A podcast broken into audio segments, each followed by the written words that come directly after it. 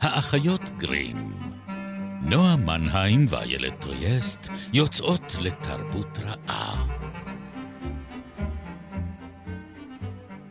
פרק 87, ובו נרד בעקבות זו שאכלוה אל מתחת לקברים, וננסה לפרוץ מהחשיכה.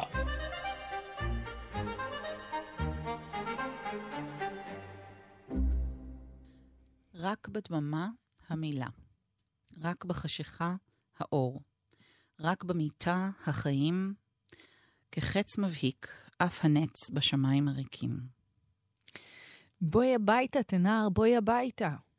בתחתית הבקעה עמדו עצי התפוח על סף פריחתם.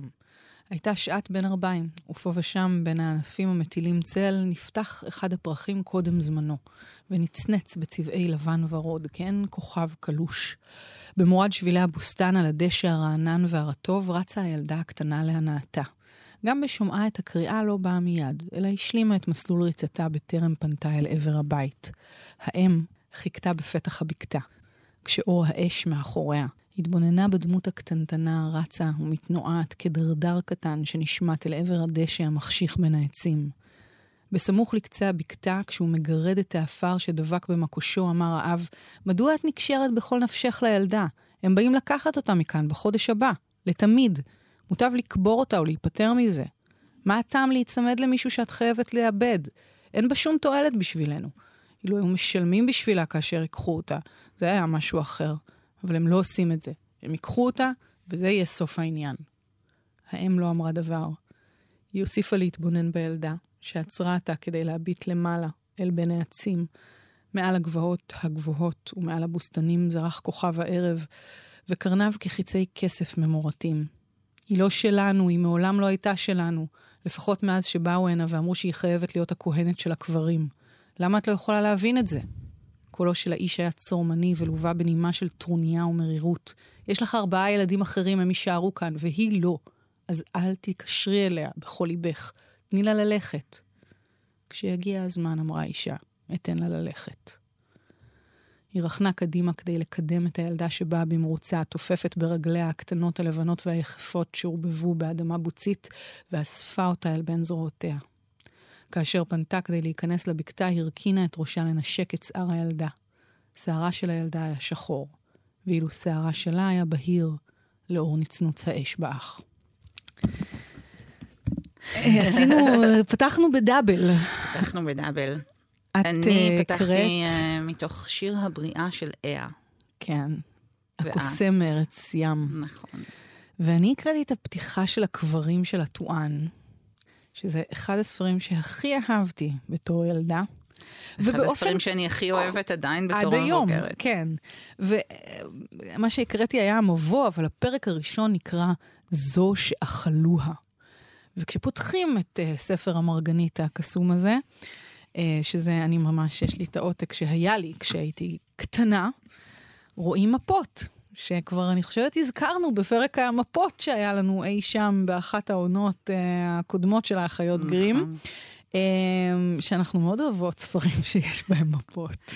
יש, יש איזה מין תחושה כזאת שאתה מקבל, כן. שאת מקבלת כשאת פותחת ספר ויש בו מפה מבחינתי, אני רוצה ללכת בו לאיבוד. ועוד כאילו. איזה מפות יש פה? יש פה את המקום של הקברים של הטואן, והלבירינט של הקברים של הטואן, ויש פה מבוך מטורף עם הקבר התחתון, וחדר העצמות, וחדר הכבולים, האוצר הגדול, דלת הסלע האדום.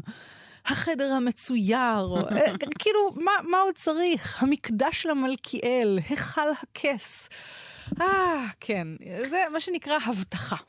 ושווה לציין, אה, זאת אומרת, אני חושבת שהרבה מאוד אה, חובבים של פנטזיה מדברים על המפות המאוד מאוד מפורטות שטולקין הכין ליצירות שלו, וג'ורג' אר מרטין הכין לסדרת שיר של אש ושל קרח שלו, אבל אורסולה לגוויין, המחברת של...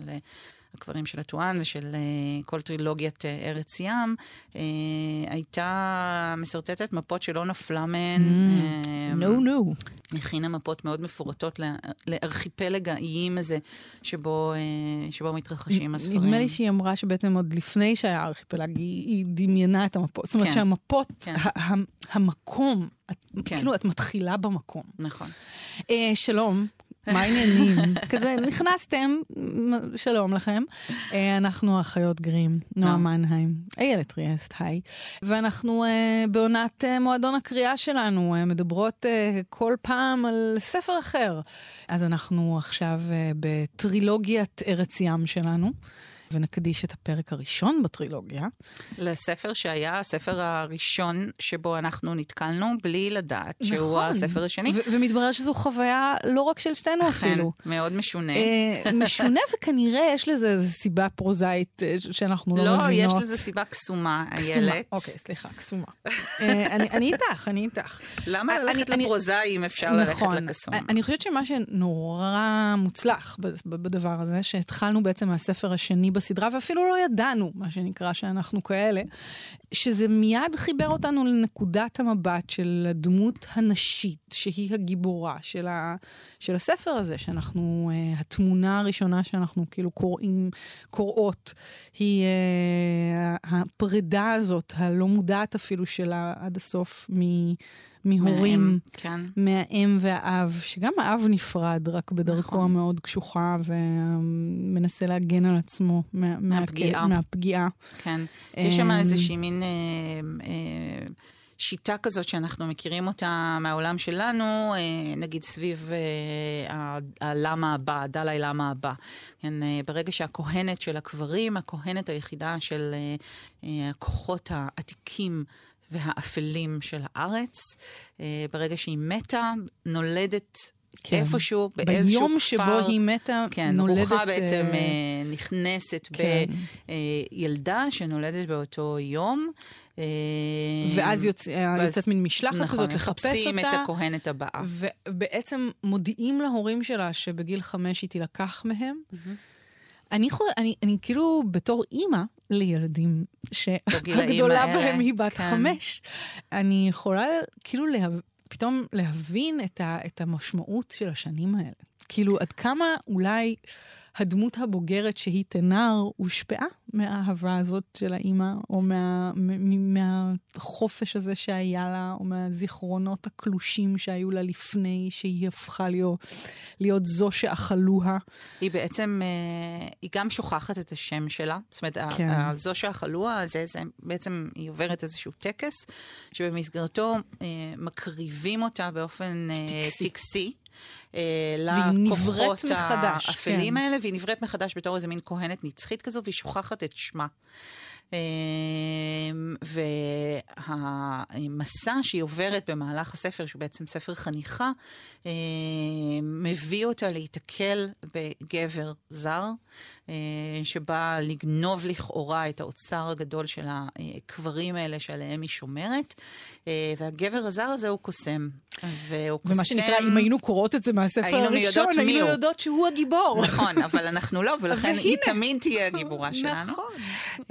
והגבר הזר הזה הוא באמת קוסם שמגיע ממערכת קסם שכולה מבוססת שמות. זאת אומרת, כדי לבצע קסמים בעולם הזה של ארץ ים שאותו בראה לגוויין, אה, צריך לדעת את שמו האמיתי של הדבר. לכל דבר יש שם שבו אנחנו משתמשות, ויש את השם האמיתי, השם של המהות. זה קצת רעיון קבלי. כן, כן כאילו כן. שהמהות, שם ההוויה. נכון, ממש שם ההוויה, שם המפורש. כן, וזה גם אה. קשור לבריאה של העולם. זאת אומרת, הסיבה שיש לדברים שם אמיתי זה בגלל שהם נבראו במילה. במילה, נכון? ו... כמו, בעצם כמו אצלנו, לגמרי, כן? לגמרי סיפור בראשית. אה... זה נקרא בריאה של אה. נכון, סיגוי. כן, שהעלה את האיים מהים. של, של ארץ ים מהים. נכון. יש גם הרבה דגש שם בעולם הזה על מקומיות. זאת אומרת, אה, על זה שכוח הוא כוח מקומי, כי השם גם, זאת אומרת, יש שפה עתיקה שבראה mm-hmm. את הדברים, אבל ברגע שאתה יוצא מהגבולות של העולם שנברא ככה, החוקים, כבר, בדיוק, החוקים משתנים במרחבים. כן.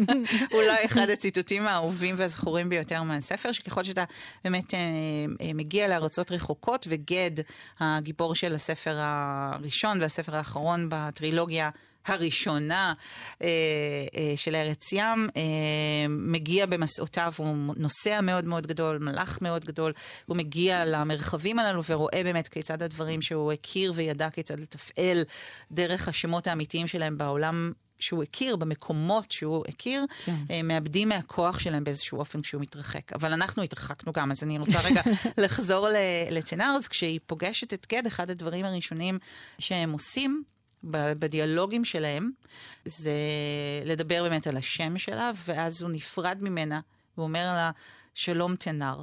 וזו פעם ראשונה שהיא שומעת את השם שלה נאמר מאז שהיא הייתה בת חמש, mm-hmm. והוא משיב לה את השם שלה בחזרה. זאת אומרת, יש כאן איזה reclaiming, איזשהו ניכוס מחדש של הזהות של הילדה הזאת שנלקחה מהוריה, שכל מה שהיא זוכרת מהם, וזה רגע נורא יפה בספר, זה את הריח של שיער ארוך ובהיר, אה, שנרחץ במים המדיפים ניחוח מרווה. כי זה כל נכון, מה שהיא זוכרת כן. מאימא שלה, זה את הריח, את הצבע הזה שמנצנץ לאור הנר, כמעט ואין לה זיכרון מהוריה. כי היא גדלה, אה, בעצם החניכה שלה מתרחשת במנזר, מאוכלס כולו על ידי נערות והכהנות המבוגרות שחונכות אותן. וסריסים. ועל ידי סריסים, כן, mm. שאני, כשקראתי את הספר כשהייתי קטנה, אני לא ידעתי מה זה אומר בכלל. אה, הייתי צריכה ללכת לבדוק מה זה אומר, והייתי מאוד מופתעת. ואני חושבת שההזדמנות הזו שיש לאורסולה אלגוין בספר הזה לצלול לתוך האופן שבו החברה הכל נשית הזו אה, מתרחשת. זה קורה במדבר, במקום כן. מנותק לחלוטין. נכון. הרוס. במקום... הרוס כן, כמעט למחצה. כן, כמעט כמו מין חורבה כזאת, נכון. ש, שאנחנו לאט לאט מתוודעים לזה שזה באמת עולם, זה ספציפית מקדש מאוד חשוב, באמת לאלים העתיקים האלה, שהם... שגם אנחנו לאט לאט נחשפים במהלך הספר למאבק הפוליטי שקיים בין כהנות שלהם לבין כהנות האלים התאום, כהנת האלים התאומים וכהנת המלכיאל. והמלכיאל כן. הוא בעצם השליט. הוא יש... שליט שהפך עצמו לאל. לאל, כן. וזה... קצת כמו במצרים, זאת אומרת, בתרבויות כן, עתיקות אחרות. זה שליט שבהתחלה, ממש, ואפילו באיזשהו שלב, בעצם מעידים על זה שרואים את ההיסטוריה הזאת. זאת אומרת, כן. הם היו מלכים, אחר כך הם היו מלכהנים, ואז הם נהיו מלכיאלים. וכשאת רואה את זה ככה, את אומרת, אוקיי, ואתם מאמינים לזה? ו- וכן, וכאילו זה חלק מהעניין, שנורא ברור הכוח שבאמונה, ומצד שני, פה גם נהיה, בין הפוליטי הזה, mm-hmm. הכל כך אנושי וכל כך ארצי, יש לך גם את מה שמתחת לארץ. והמתחת נכון. לארץ הזה הוא בכל זאת כוח קסמים, הוא כוח שאנחנו בהתחלה מתוודעים אליו כאל כוח אלוהי שצריך לעבוד אותו. הוא אכזרי בהרבה מובנים, ולאט לאט אנחנו מבינים, ושוב, אם היינו קוראות קודם את הספר הראשון, היינו יודעות שזה שייך באמת לעולמות המאוד אפלים. זאת אומרת, אלה כוחות שהם כאלה קדם אנושיים, mm-hmm. והם uh, קמאיים ומרושעים. אני, אני אתן uh, פשוט לאורסולה uh, לדבר. לדבר במקומי, כן. Uh, וזה בדיוק הקטע שבו היא מדברת על זה, כי לתנאר, ליערה, uh, זו שהחלוע, יש uh, יריבות. התכתבות מאוד גדולה עם הכהנת של המלכיאלי, עם כוסיל, והיא אומרת לה, כוסיל אומרת לה, כל מה שמתרחש פה הוא מענייני, גברתי. כל מה שמתרחש בממלכתו הוא מעניינו של המלכיאל, הגבר הנצחי שאותו אני משרתת. הוא מביט ורואה אפילו אל תוך המקומות שמתחת לאדמה ואל תוך ליבם של האנשים. אה, אין איש שיאסור עליו להיכנס. ותנר אומרת לה, אל תוך הקברים אין איש שרצה להיכנס עם אלה שאין להם שם. כן, זהו, זה... אין להם. שם, זה כוחות כן. שהם כל כך קדומים שאין להם עדיין שם. אוסרים זאת, הם היו לפני המלכיאל שלך והם יהיו אחריו. דברי עליהם בזהירות כהנת, אל תביאי על עצמך את נקמתם. הם יגיחו אל תוך חלומותייך, הם יחדרו למקומות האפלים שבמוחך, ואת תצאי מדעתך. וכוסיל אומרת לה, הם זקנים. הם זקנים, פולחניהם כבר נשכחו, מלבד במקום אחד, כוחם פג, הם רק צללים, אין להם עוד כוח. אל תנסי להפחידני זו שאכלוה. את הכהנת הראשונה. האם אין פירוש הדבר שאת גם האחרונה? וה... הרגע הזה מבחינת אה, תנר הוא באמת רגע של, אה, של אובדן אמונה. זאת אומרת, יש לה משבר אמוני מאוד גדול. היא מגיעה לתוך הקברים, היא מחונכת לתוך התפקיד הזה ולוקחת אותו מאוד ברצינות. זאת אומרת, היא רואה... לא, היא מתמסרת ב... לחלוטין באמונה שלה, כאילו כן. המוקד באמת של הזהות שלה. היא גם חונכה לתוך הדבר הזה, זאת אומרת, מהרגע נכון. הראשון אמרו לה שהיא היא זה, הדבר הזה. והיא לפעמים מרגישה שהיא זוכרת באמת מגלגולים כן, קודמים כן. שלה לא, את הטקסים. יש פה גם כל מיני עניינים מיסטיים כאלה, גם, גם ככה מדברים אליה, זאת אומרת, אומרים, את בטח זוכרת, או אני צריכה רק להזכיר לך, כאילו הידע הזה קיים אצלה, וזה מין אמונה שמגשימה את עצמה. כן. אה, והיא, ויש המון חוקים למקום הזה. זה מקום כן. שהוא בחשיכה. זה מקום שאסור להדליק בו אור. זה צריכה מקום... לשנן את היציאות נכון, והכניסות לבירינט. מהלבירינט. דיברנו על זה שזה נכון, מבוך. נכון. זה לבירינט, וממש יש מקומות שאסור, ויש ממש כל חוקים ל- למקומות ספציפיים. מהמם. אסור שגבר יהיה בהם, רק המשרת, ש- רק קודש היא. הקודשים. כן, זה ממש קודש אה, הקודשים. הקאבה, זאת אומרת, יש כן, כאן באמת כן. הרבה מאוד זיקות אמוניות שאנחנו אה, מכירות ממקומות אחרות, ו- אחרים. ו- כן. של טומאה וטהרה, מהמם. וכשהיא סוף סוף מגיעה, היא נכנסת לתוך הלבירינט, ואני אני לא זוכרת אם דיברנו על זה באותו פרק שבו דיברנו על מבוכים, אבל המילה לבירינט אה, שעולה מהיוונית, והמשמעות שלה זה גרזן כפול להב, אה, שהיה מזוהה עם האלה. זאת אומרת שלבירינט מראש יש שם איזושהי זיקה לנשיות, לנשיות קמאית, למרחב תת-קרקעי שהוא איזה מין רחם כזה. כאילו להגיח מתוכו זה להגיח מתוך איזשהו רחם תת-קרקעי, וזה באמת ההקשר המאוד מאוד קדום של השם.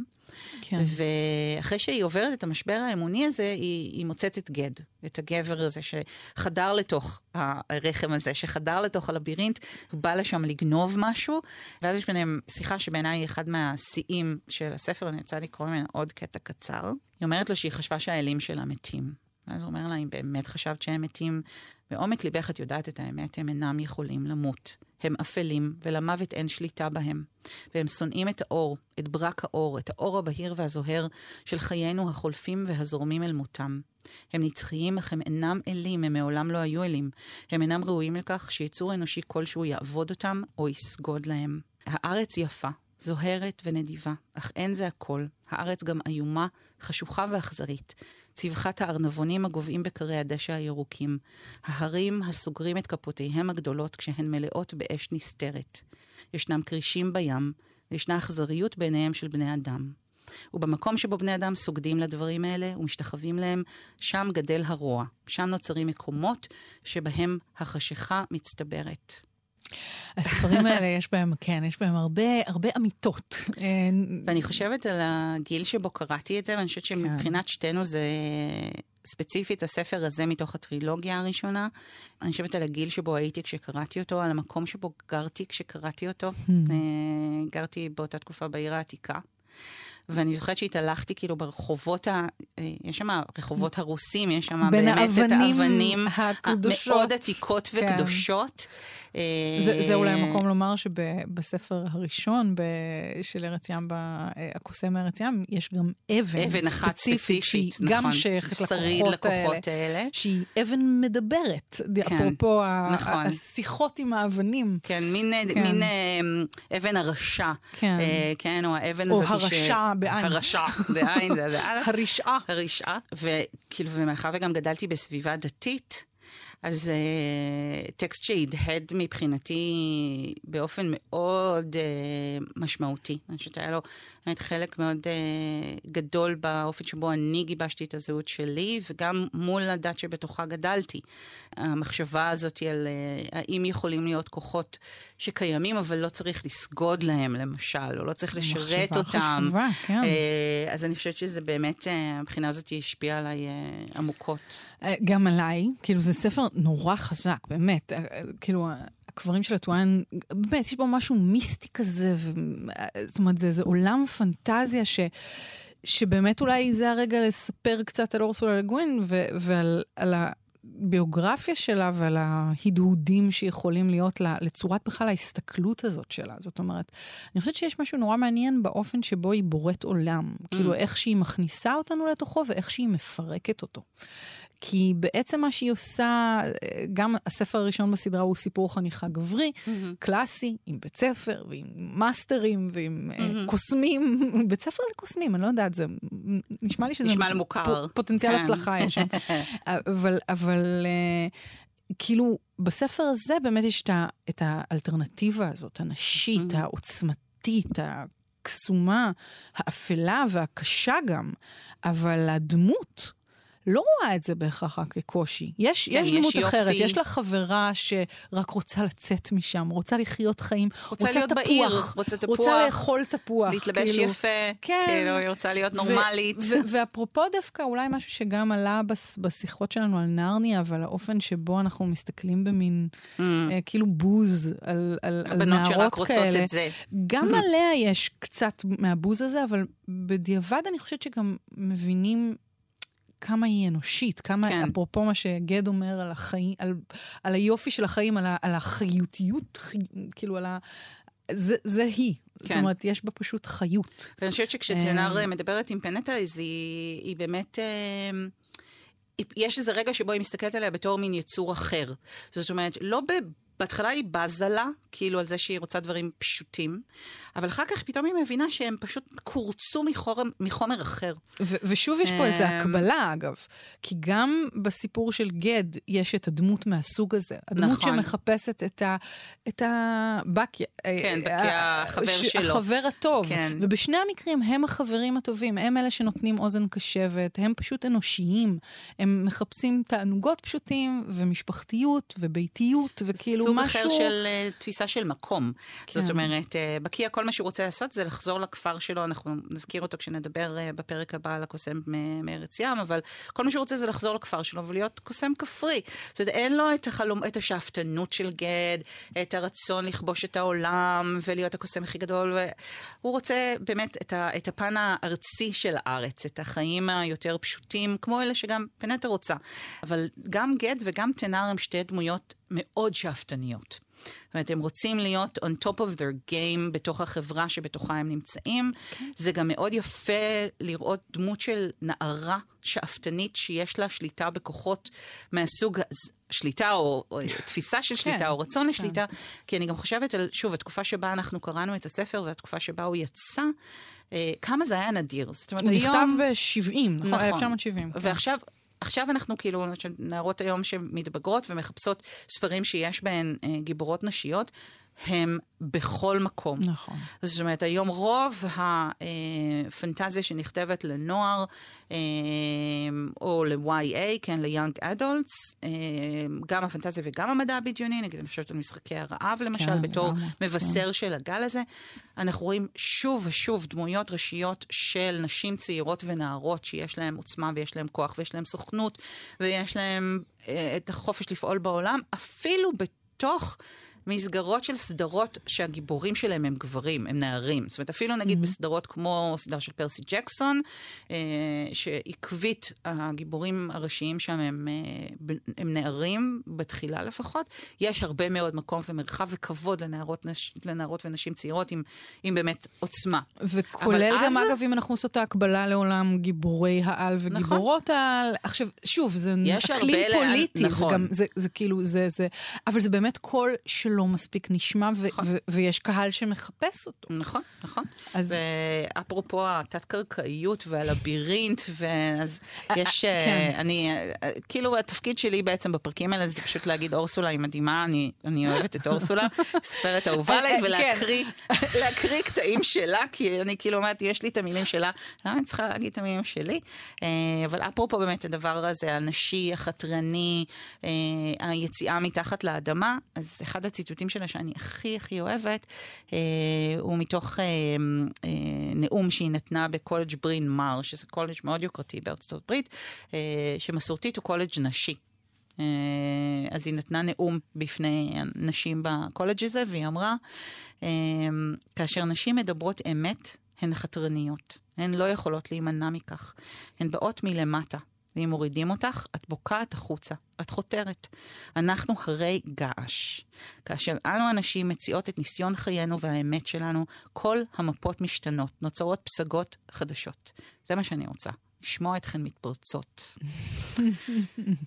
וזה הכוח העצום בעיניי שיש לקברים של הטואן, של הנערה הזאת שגדלה בחושך. גידלו אותה אה, בשעבוד למוות בעצם, נכון, למשהו נכון. ש, שהוא עקר ואין בו חיים ואין בו אבל מצד שני- חיוניות, והיא בוקעת מתוך האפלה הזו, היא הורסת, אני הורסת, אני הורסת לכולם את הספר עכשיו, כי היא הורסת בסופו של דבר בפעולה שלה, בפעולה המשותפת שלה ושל גד. אה, היא הורסת את המקום הזה, הוא קורס לתוך עצמו, אוכל את תראי, עצמו. אני, אני כן חושבת שיש פה מורכבות דווקא אולי אפילו יותר גדולה, כי יש משהו, ב... כשהיא חיה בעיוורון שלה, היא חזקה מאוד. בעיני עצמה, זאת אומרת, כן. כן. לא רק בעיני עצמה, גם ב- נכון. ב- בהיררכיה המקומית, נכון. היא הדמות החזקה. היא מוותרת על הטייטל שלה, בדיוק, נכון. זהו. והיא גם חווה משבר גדול בגלל הדבר הזה. כאילו, אם כבר הרסנו את הסוף, בואי נהרוס עוד יותר את הסוף. כן. אה, כאילו, היא אומרת לגד, מה, מה אני מה עשיתי? אני אעשה כאילו, עכשיו? מה, אני באמת, כל הידע שלי, כל, ויש לה ידע, יש לה, הידע שלה זה הזיכרון המטורף שלה, והיכולת הזאת, ה, ה, ש, שכאילו, כל מה שלימדו אותה בחיים זה להיות המשרתת של הקברים האלה, ובתור זה היא הייתה מצוינת ומצטיינת, ופתאום היא אדם בלי כלום, בלי ידע של שפה, בלי זה, הוא הולך לקחת אותה מכל מה שהיא מכירה, ולשים אותה באיזה מקום, והיא אומרת לו, מה, מה אני אעשה שם? אני לא, אני לא רוצה ללכת לשם. אני גם נושאת כן. עליי כל מיני עוונות, אני רוצה פשוט שתעזוב אותי, כאילו, תגלה אותי כן. באיזה אי בלב ים, ו... היא כי אני מסתכלת חושבת שפה- הצרור מחשב- על הצרור מש- אה, מפתחות שלה. כן, אה, הוא לא פותח שלא כבר פותח שום דבר. כבר שום דבר, כן. כן, הכל אה, לא, גם יש, נעלם. דבר, יש גם המון אובדן בהרס הזה כן. של מקום, ו- כי לה- ובהרס של, של ההיסטוריה, של ה- של הכובד, המשקל הזה, הפיזי והמטאפורי של המקום שהיא מחריבה כאילו בזה שהיא הולכת.